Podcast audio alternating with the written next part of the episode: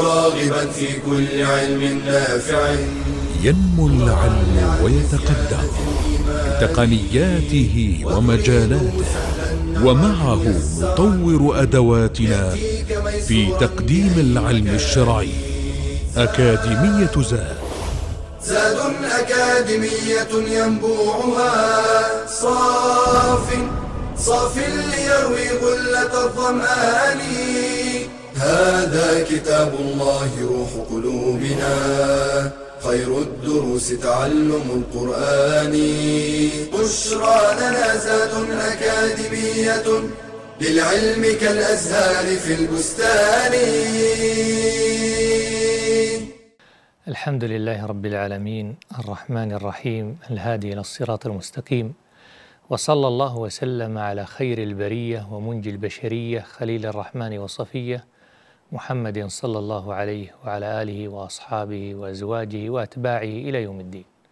حياكم الله أعزائي المشاهدين والمشاهدات حياكم الله طلاب وطالبات أكاديمية زاد في المستوى الرابع. وهذه الحلقة السادسة واليوم موعدنا مع صورة جديدة وهي صورة البينة أو صورة لم يكن كما يسميها بعض المفسرين. هذه الصورة صورة مدنية. وقال الله عز وجل في مطلعها لم يكن الذين كفروا من أهل الكتاب والمشركين منفكين حتى تأتيهم البينة. رسول من الله يتلو صحفا مطهرة فيها كتب قيمة. وما تفرق الذين أوتوا الكتاب إلا من بعد ما جاءتهم البينة. وما أمروا إلا ليعبدوا الله مخلصين له الدين حنفاء. ويقيموا الصلاة ويؤتوا الزكاة وذلك دين القيم. طبعا هذه الصورة فيها حديث عظيم وبشارة عظيمة لأقرأ الصحابة للقرآن وهو أبي ابن كعب أبي المنذر رضي الله عنه وأرضاه. أخرج البخاري ومسلم عن أنس بن مالك رضي الله عنه قال قال رسول الله صلى الله عليه وسلم لأبي بن كعب رضي الله عنه إن الله أمرني أن أقرأ عليك لم يكن الذين كفروا من أهل الكتاب. قال أبي وسماني لك يا رسول الله أي ذكرني باسمي؟ قال نعم. فبكى أبي. وفي مسند أحمد وصححه الأرناؤوط قيل لأبي ففرحت بذلك؟ قال وما يمنعني والله يقول قل بفضل الله وبرحمته فبذلك فليفرحوا هو خير مما يجمعون. وهذا فضل كبير لأبي أن يقرئه الله سلامه الخاص من فوق سبع سماوات ويسميه باسمه. فيأمر النبي صلى الله عليه وسلم أن يقول أقرئ أبي بن كعب السلام واقرأ عليه لم يكن الذين كفروا من أهل الكتاب. فهي ميزة وخصيصة وحظية كبيرة جدا ليبي بن كعب رضي الله عنه فهنيئا له أن يرسل الله عز وجل له سلامه الخاص من فوق سبع سماوات ويأمر نبيه وخليله صلى الله عليه وسلم أن يقرأ عليه هذه الصورة العظيمة. هذه الصورة أيها الإخوة ابتدأها الله عز وجل بقوله لم يكن الذين كفروا من أهل الكتاب والمشركين أليس أهل الكتاب الكفار يشركون مع الله غيره؟ بلى. فأهل الكتاب هم اليهود والنصارى وهم طائفتان دعوا لله ولدا. وسأبين لكم فيما يستقبل بإذن الله لماذا فرق الله هنا بين أهل الكتاب والمشركين. قال بعض العلماء فرق الله لأن أهل الكتاب عندهم كتاب فهم أحرى بأن يوحدوا الله ولكنهم مع ذلك ادعوا لله ولدا.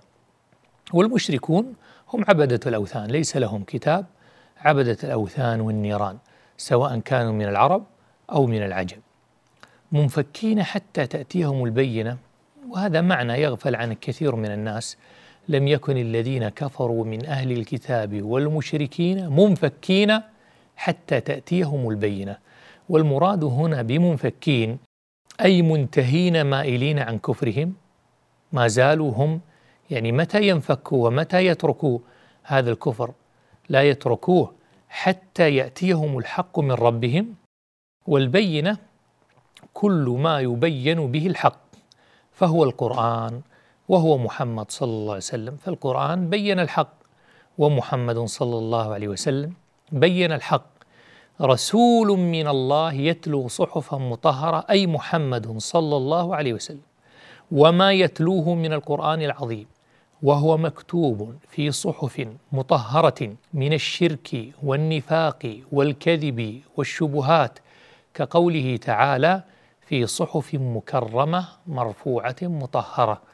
وهذا أيضا من تفسير القرآن بالقرآن كما مر بنا. اذا رسول من الله يتلو صحفا مطهرة فسرنا قوله تعالى صحفا مطهرة بقوله في صحف صحف مكرمة مرفوعة مطهرة فيها كتب قيمة أي مكتوبات قيمة. المراد بالكتب هنا المكتوبات من الآيات والأحكام فهي آيات وأحكام عادلة مستقيمة لا خطأ فيها.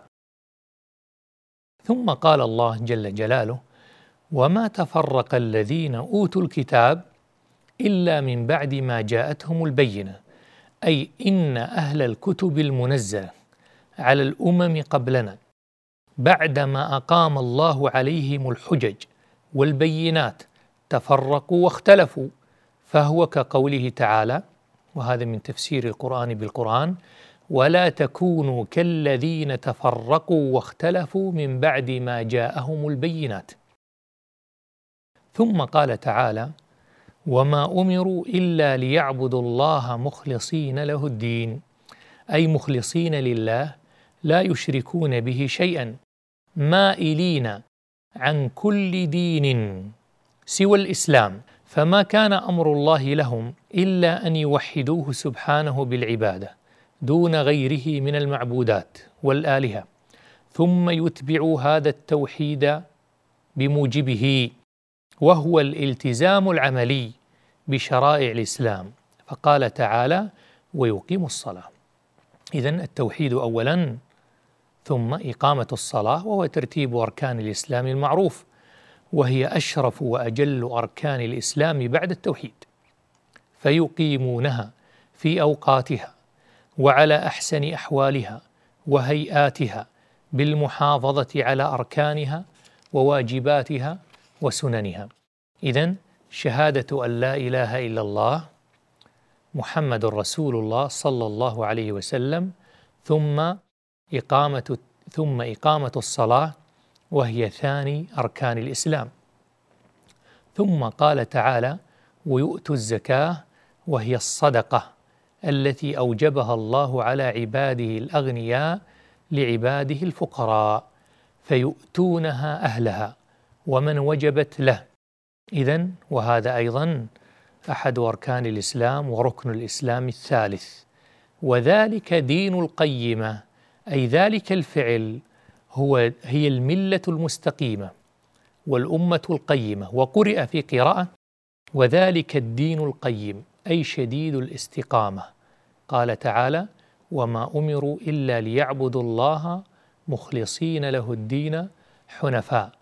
قال بعض العلماء ومنهم الشيخ ابن عثيمين رحمه الله ذكر الله هنا شرطي قبول العمل وهي المتابعة والإخلاص. مخلصين له الدين حنفاء أي متبعين الملة الحنيفية. فلا يصح عمل إلا بشرطي قبوله. ونكمل بإذن الله بعد هذا الفصل. بشرى أكاديمية للعلم كالأزهار في البستان. الزينة في حياة المرأة حاجة فطرية جبلت عليها وقد تكون مولعة بها. والإسلام لا يقاوم هذه الرغبة الفطرية ولكنه ينظمها ويضبطها. ومن ذلك نهيه المرأة عن التزين بالوشم أو الوصل أو النمص أو فلج الأسنان. فعن ابن عباس رضي الله عنهما قال لعنت الواصلة والمستوصلة والنامصة والمتنمصة والواشمة والمستوشمة من غير داء. وفي حديث ابن مسعود رضي الله عنه والمتفلجات للحسن والوصل أن يوصل شعر المرأة بشعر آخر ويدخل في ذلك الباروكة والرموش والأظافر الصناعية لأنها في معنى الوصل. والنمص هو الأخذ من شعر الحاجبين بالنتف كان ذلك أو الحلق أو غيرهما. وأما الشعر الذي بين الحاجبين فلا بأس بإزالته. والوشم هو غرز إبرة أو نحوها في أي موضع من البدن حتى يسيل الدم. ثم يحشى ذلك الموضع بالكحل أو غيره فيخضر. وتجب إزالة الوشم إلا إن خاف منه تلفا أو ضررا. والفلج أن تباعد ما بين الأسنان الثنايا والرباعيات إظهارا لصغر العمر وحسن الأسنان. والحرام من ذلك كله ما فعل طلبا للحسن وزيادته. وأما ما كان منه للعلاج أو إزالة عيب كإزالة الكلف وحبة الخال ونحوه فلا بأس به. ولا يحرم التغيير الذي لا يبقى كالحناء والكحل فليس هذا من التغيير الممنوع. قال تعالى وما آتاكم الرسول فخذوه وما نهاكم عنه فانتهوا واتقوا الله إن الله شديد العقاب بشرى لنا زاد أكاديمية للعلم كالأزهار في البستان حياكم الله ومرحبا بكم بإذن الله سأتكلم الآن في هذا المقطع بإذن الله عن شيء من التفصيل الذي سمعتم إجماله قبل الفاصل. هذه الصورة كما قلت لكم تسمى صورة البينة وتسمى صورة لم يكن وهي مدنية كما في قول ابن عباس والجمهور وهي تسع آيات. طبعا ذكر أحاديث كثيرة في فضلها بعضها ليس بصحيح. ولكن الحديث الصحيح الذي مر بنا هو حديث أبي بن كعب رضي الله عنه في البخاري ومسلم أن النبي صلى الله عليه وسلم جاء لأبي بن كعب فقال يا أبي إن الله أمرني أن أقرأ عليك. لم يكن الذين كفروا من أهل الكتاب. فقال أبي وسماني باسمي. قال وسماك باسمك. فاستعبر أبي وبكى رضي الله عنه وأرضاه. قال الإمام القرطبي بعد هذا الحديث وفيه من الفقه قراءة العالم على المتعلم فالنبي صلى الله عليه وسلم هو العالم والمتعلم هو أبي بن كعب. وقال بعضهم قرأ النبي صلى الله عليه وسلم على أبي ليعلم الناس التواضع لئلا يأنف أحد من التعلم والقراءة على من دونه في المنزلة وقيل لأن أبيا كان أسرع أخذا لألفاظ رسول الله صلى الله عليه وسلم فأراد بقراءته عليه أن يأخذ ألفاظه ويقرأ كما سمع منه ويعلم غيره. كما تعلمون خيركم من تعلم القرآن وعلمه وفيه فضيلة عظيمة لأبي. إذ أمر الله رسوله صلى الله عليه وسلم أن يقرأ عليه. فهذا الحديث هو عن فضائل هذه الصورة وعن حولها. أما قوله تعالى لم يكن الذين كفروا من أهل الكتاب والمشركين منفكين حتى تأتيهم البينة. من أهل الكتاب يعني اليهود والنصارى. والمشركين في موضع جر عطف على أهل الكتاب. قال ابن عباس أهل الكتاب اليهود الذين كانوا بيثرب وهم قريضة والنضير وبنو قينقاع. والمشركون الذين كانوا بمكة وحولها. والمدينة والذين حولها وهم مشركو قريش منفكين أي لم يكونوا منتهين عن كفرهم مائلين عنه. حتى تأتيهم البينة أي أتتهم البينة أي محمد صلى الله عليه وسلم.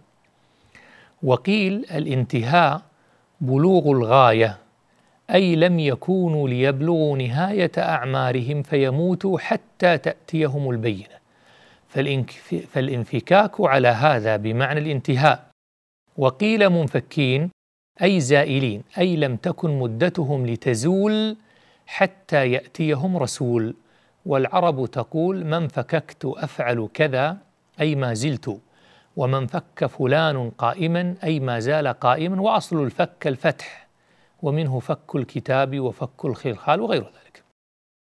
وقيل منفكين أي بارحين أي لم يكونوا ليبرحوا ويفارقوا الدنيا حتى تأتيهم البينة. وقال ابن كيسان أي لم يكن أهل الكتاب تاركين. صفة محمد صلى الله عليه وسلم في كتابهم حتى بعث. فلما بعث حسدوه وجحدوه وهو كقوله فلما جاءهم ما عرفوا كفروا به. وهذا من تفسير القرآن بالقرآن. ولهذا قال وما تفرق الذين أوتوا الكتاب الآية.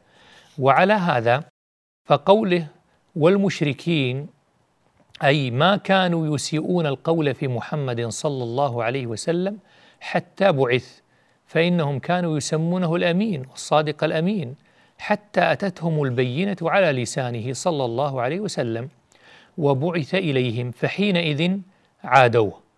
وقيل المعنى لم يكونوا معذبين ولا هالكين إلا بعد قيام الحجة عليهم بإرسال الرسل وإنزال الكتب.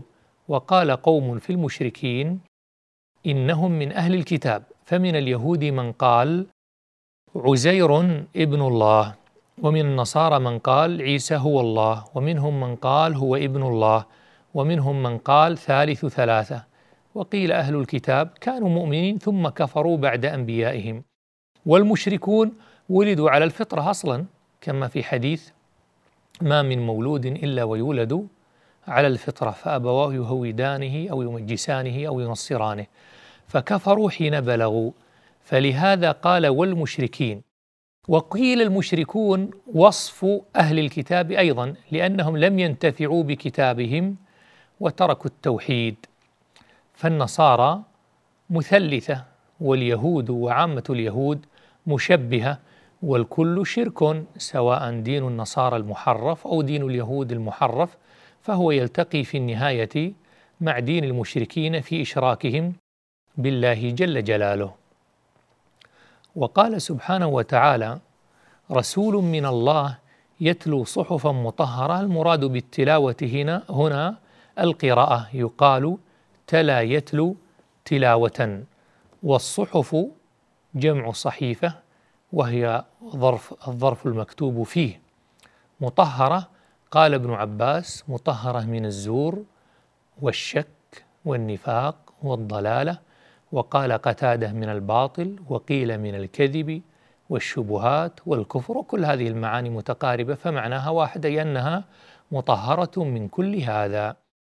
أي يقرأ ما تتضمن الصحف من المكتوب ويدل عليه أنه كان يتلو عن ظهر قلبه لا عن كتاب لأنه كان أميا. يا أيها الأمي حسبك رتبة في العلم أن دانت بك العلماء صلى الله عليه وسلم. لا يكتب ولا يقرأ ومطهرة من نعت الصحف وهو كقوله تعالى في صحف مكرمة مرفوعة مطهرة فالمطهرة نعت للصحف في الظاهر وهي نعت لما في الصحف من القرآن. وقيل مطهرة حسب ما تقدم بيانه وقيل ينبغي ألا يمسها إلا المطهرون كما قال في سورة في الصحف المطهرة هي التي عند الله في أم الكتاب الذي منه نسخ ما أنزل على الأنبياء من الكتب كما قال تعالى بل هو قرآن مجيد في لوح محفوظ قال الحسن يعني الصحف المطهرة في السماء. وقوله تعالى فيها كتب قيمة أي مستقيمة مستوية محكمة من قول العرب قام يقوم إذا استوى. وصح. وقال بعض أهل العلم الصحف هي الكتب. فكيف قال في صحف فيها كتب؟ فالجواب أن الكتب هنا بمعنى الأحكام أي قال عز وجل كما قال عز وجل كتب الله لأغلبن أي حكم وقال صلى الله عليه وسلم والله لأقضين بينكما بكتاب الله ثم قضى بالرجم. وليس ذكر الرجم مسطورا في الكتاب فالمعنى لأقضين بينكما بحكم الله. وقيل الكتب القيمة هي القرآن. فجعله كتبا لأنه يشتمل على أنواع من البيان. إذا فيها كتب أي أحكام وبيان وعبادات قيمة أي مستقيمة. ثم قال تعالى وما تفرق الذين أوتوا الكتاب إلا من بعد ما جاءتهم البينة. أي أن هؤلاء ما تفرقوا إلا بعد أن جاءتهم البينة. قوله تعالى من أهل الكتاب أي اليهود والنصارى خص أهل الكتاب بالتفريق دون غيرهم وهذه الفائدة التي وعدتكم بها. لماذا خص أهل الكتاب؟ خصهم دون غيرهم وإن كانوا مجموعين مع الكافرين لأنهم مظنون بهم علم. فإذا تفرقوا كان غيرهم مما لا كتاب له. أدخلوا في هذا الوصف. هم أهل أصلا عندهم كتاب. أهل للإيمان أولا والتوحيد. لأنه لم يأتي بزور صلى الله عليه وسلم. وصفاته وأوصافه وأخباره موجودة في كتبهم قبل التحريف حتى الآن بعد التحريف. موجود ذكره صلى الله عليه وسلم ولكن جحدوا بها واستيقنتها أنفسهم. الذين آتيناهم الكتاب يعرفونه كما يعرفون أبناءهم. والمعني به محمد صلى الله عليه وسلم أي القرآن موافقا لما في أيديهم من الكتاب. بنعته وصفته وذلك أنهم كانوا مجتمعين على نبوته. فلما بعث جحدوا نبوته وتفرقوا. فمنهم من كفر بغيا وحسدا ومنهم من آمن كقوله تعالى وما تفرقوا إلا من بعد ما جاءهم العلم بغيا بينهم وقيل البينة البيان الذي في كتبهم أنه نبي مرسل قال العلماء من أول الصورة إلى قوله قيمة حكمها في من آمن من أهل الكتاب والمشركين وقوله وما تفرق حكمه في من لم يؤمن من أهل الكتاب بعد قيام الحجج ونستكمل بإذن الله بعد الفاصل. بشرى لنا أكاديمية للعلم كالأزهار في البستان.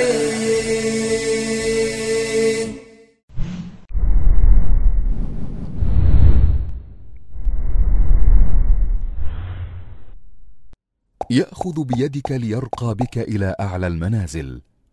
يقف معك وينافح عنك وقت الضيق والكرب.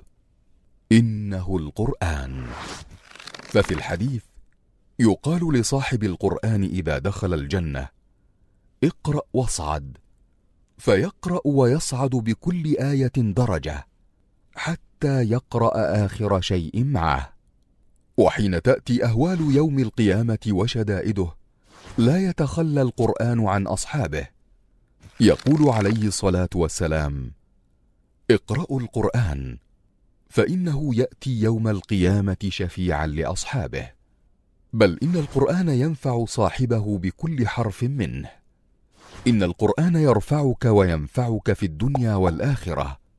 وفي الحديث من قرأ حرفا من كتاب الله فله به حسنة والحسنة بعشر أمثالها.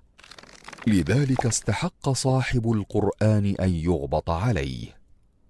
قال النبي صلى الله عليه وسلم لا حسد إلا في اثنتين رجل آتاه الله القرآن فهو يقوم به آناء الليل وآناء النهار ورجل آتاه الله مالا فهو ينفقه آناء الليل وآناء النهار. فكن مع هذا الصاحب الوفي وعش في رحابه فأنت في صفقة رابحة وتجارة لن تبور. إن الذين يتلون كتاب الله وأقاموا الصلاة وأنفقوا مما وأنفقوا مما رزقناهم سرا وعلانية يرجون تجارة لن تبور.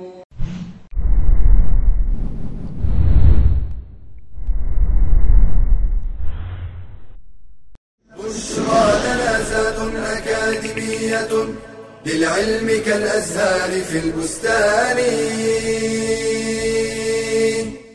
حياكم الله أيها الإخوة أيها الأخوات.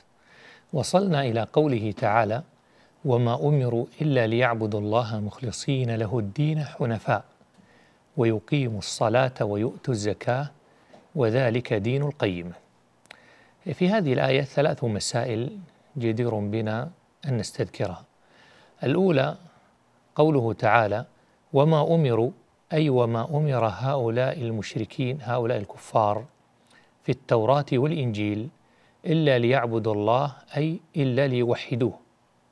واللام في ليعبدوا بمعنى كقوله يريد الله ليبين لكم أي أن يبين ويريدون ليطفئوا أي أن يطفئوا. فهنا وما أمروا إلا ليعبدوا أي أن يعبدوا وهكذا. كقوله تعالى وأمرنا لنسلم لرب العالمين. معنى مخلصين له الدين أي العبادة. ومنه قوله تعالى قل إني أمرت أن أعبد الله مخلصا له الدين. وذكرت لكم أن الإخلاص هو أحد شروط قبول العمل بالإضافة إلى المتابعة. وفي هذا دليل على وجوب النية في العبادات. فإن الإخلاص من عمل القلب. وهو الذي يراد به وجه الله تعالى لا غيره. إذا لابد من شرطان في قبول العمل الإخلاص وهذا الحديث عنه والمتابعة سنتكلم عنه. فهو في قوله تعالى حنفاء والأحنف معناه في اللغة المائل والأجنف المائل للخارج الأحنف المائل للداخل والأجنف المائل للخارج. فوصفت شريعة إبراهيم وشريعتنا بالحنيفية أي مائلة عن الباطل إلى الحق. فهذا المعنى كقول فالمعنى أي مائلة عن سائر الأديان إلى دين الإسلام.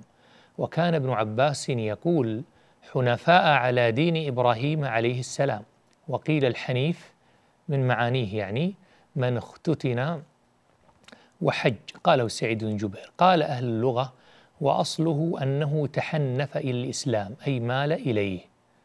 أما المسألة الثالثة قوله تعالى ويقيم الصلاة أي بحدودها في أوقاتها ويؤتوا الزكاة أي يعطوها عند محلها وذلك دين القيمة أي ذلك الدين الذي أمروا به هو دين القيمة أي الدين المستقيم.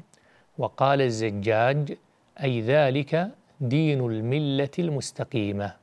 والقيمة نعت لموصوف محذوف أو يقال دين الأمة القيمة بالحق أي القائمة بالحق.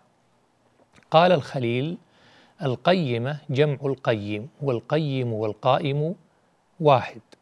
وقال الفراء في معاني القرآن أضاف الدين إلى القيمة وهو نعته لاختلاف اللفظين وعنه أيضا هو من باب إضافة الشيء إلى نفسه ودخلت الهاء للمدح والمبالغة وقيل الهاء راجعة إلى الملة أو الشريعة. وقال محمد بن الأشعث الطالقاني القيمة ها هنا الكتب التي جرى ذكرها والدين مضاف إليها. وبالمناسبة من أراد مثل هذه اللطائف والدقائق في معاني القرآن فهناك عدة كتب مطبوعة موجودة. ككتاب معاني القرآن وإعرابه للزجاج وكتاب معاني القرآن للفراء وكتاب معاني القرآن للأخفش وكتاب معاني القرآن للنحاس وبفضل الله وأيضا معاني القرآن للنحاس وبفضل الله كل هذه الكتب موجودة ومطبوعة ومحققة ففيها لطائف وفيها إضافات وفيها زوائد لا يتسع المقام لذكرها. لكن الذي أريد أيضا أن نبينه في ختام الحلقة لماذا لا يؤمن اليهود والنصارى بمحمد صلى الله عليه وسلم مع أنه موجود بوصفه وسيرته وأخلاقه صلى الله عليه وسلم في التوراة والإنجيل قبل التحريف وحتى الآن بعد التحريف؟ القضية هي قضية الحسد. الذين آتيناهم الكتاب يعرفونه كما يعرفون أبنائهم أم يحسدون الناس على ما أتاهم الله من فضله؟ فهو الحسد فقط. لأن النبي محمد صلى الله عليه وسلم جاء من سلالة العرب ليس من بني إسرائيل. والأمثلة في ذلك كثيرة. ففي قصة إسلام عبد الله بن سلام وقيل عبد الله بن سلام قال لما بلغني أنه هاجر إلى المدينة صلى الله عليه وسلم ذهبت لأنظر في وجهه فحين رأيته عرفت أن وجهه ليس بوجه كذاب فكان أول ما سمعت فكان أول ما سمعت منه أيها الناس أفشوا السلام وأطعموا الطعام وصلوا الأرحام وصلوا بالليل والناس نيام تدخل الجنة بسلام. فجاء عبد الله بن سلام وآمن مباشرة وهو حبر اليهود الأعظم. يعني آمن فورا.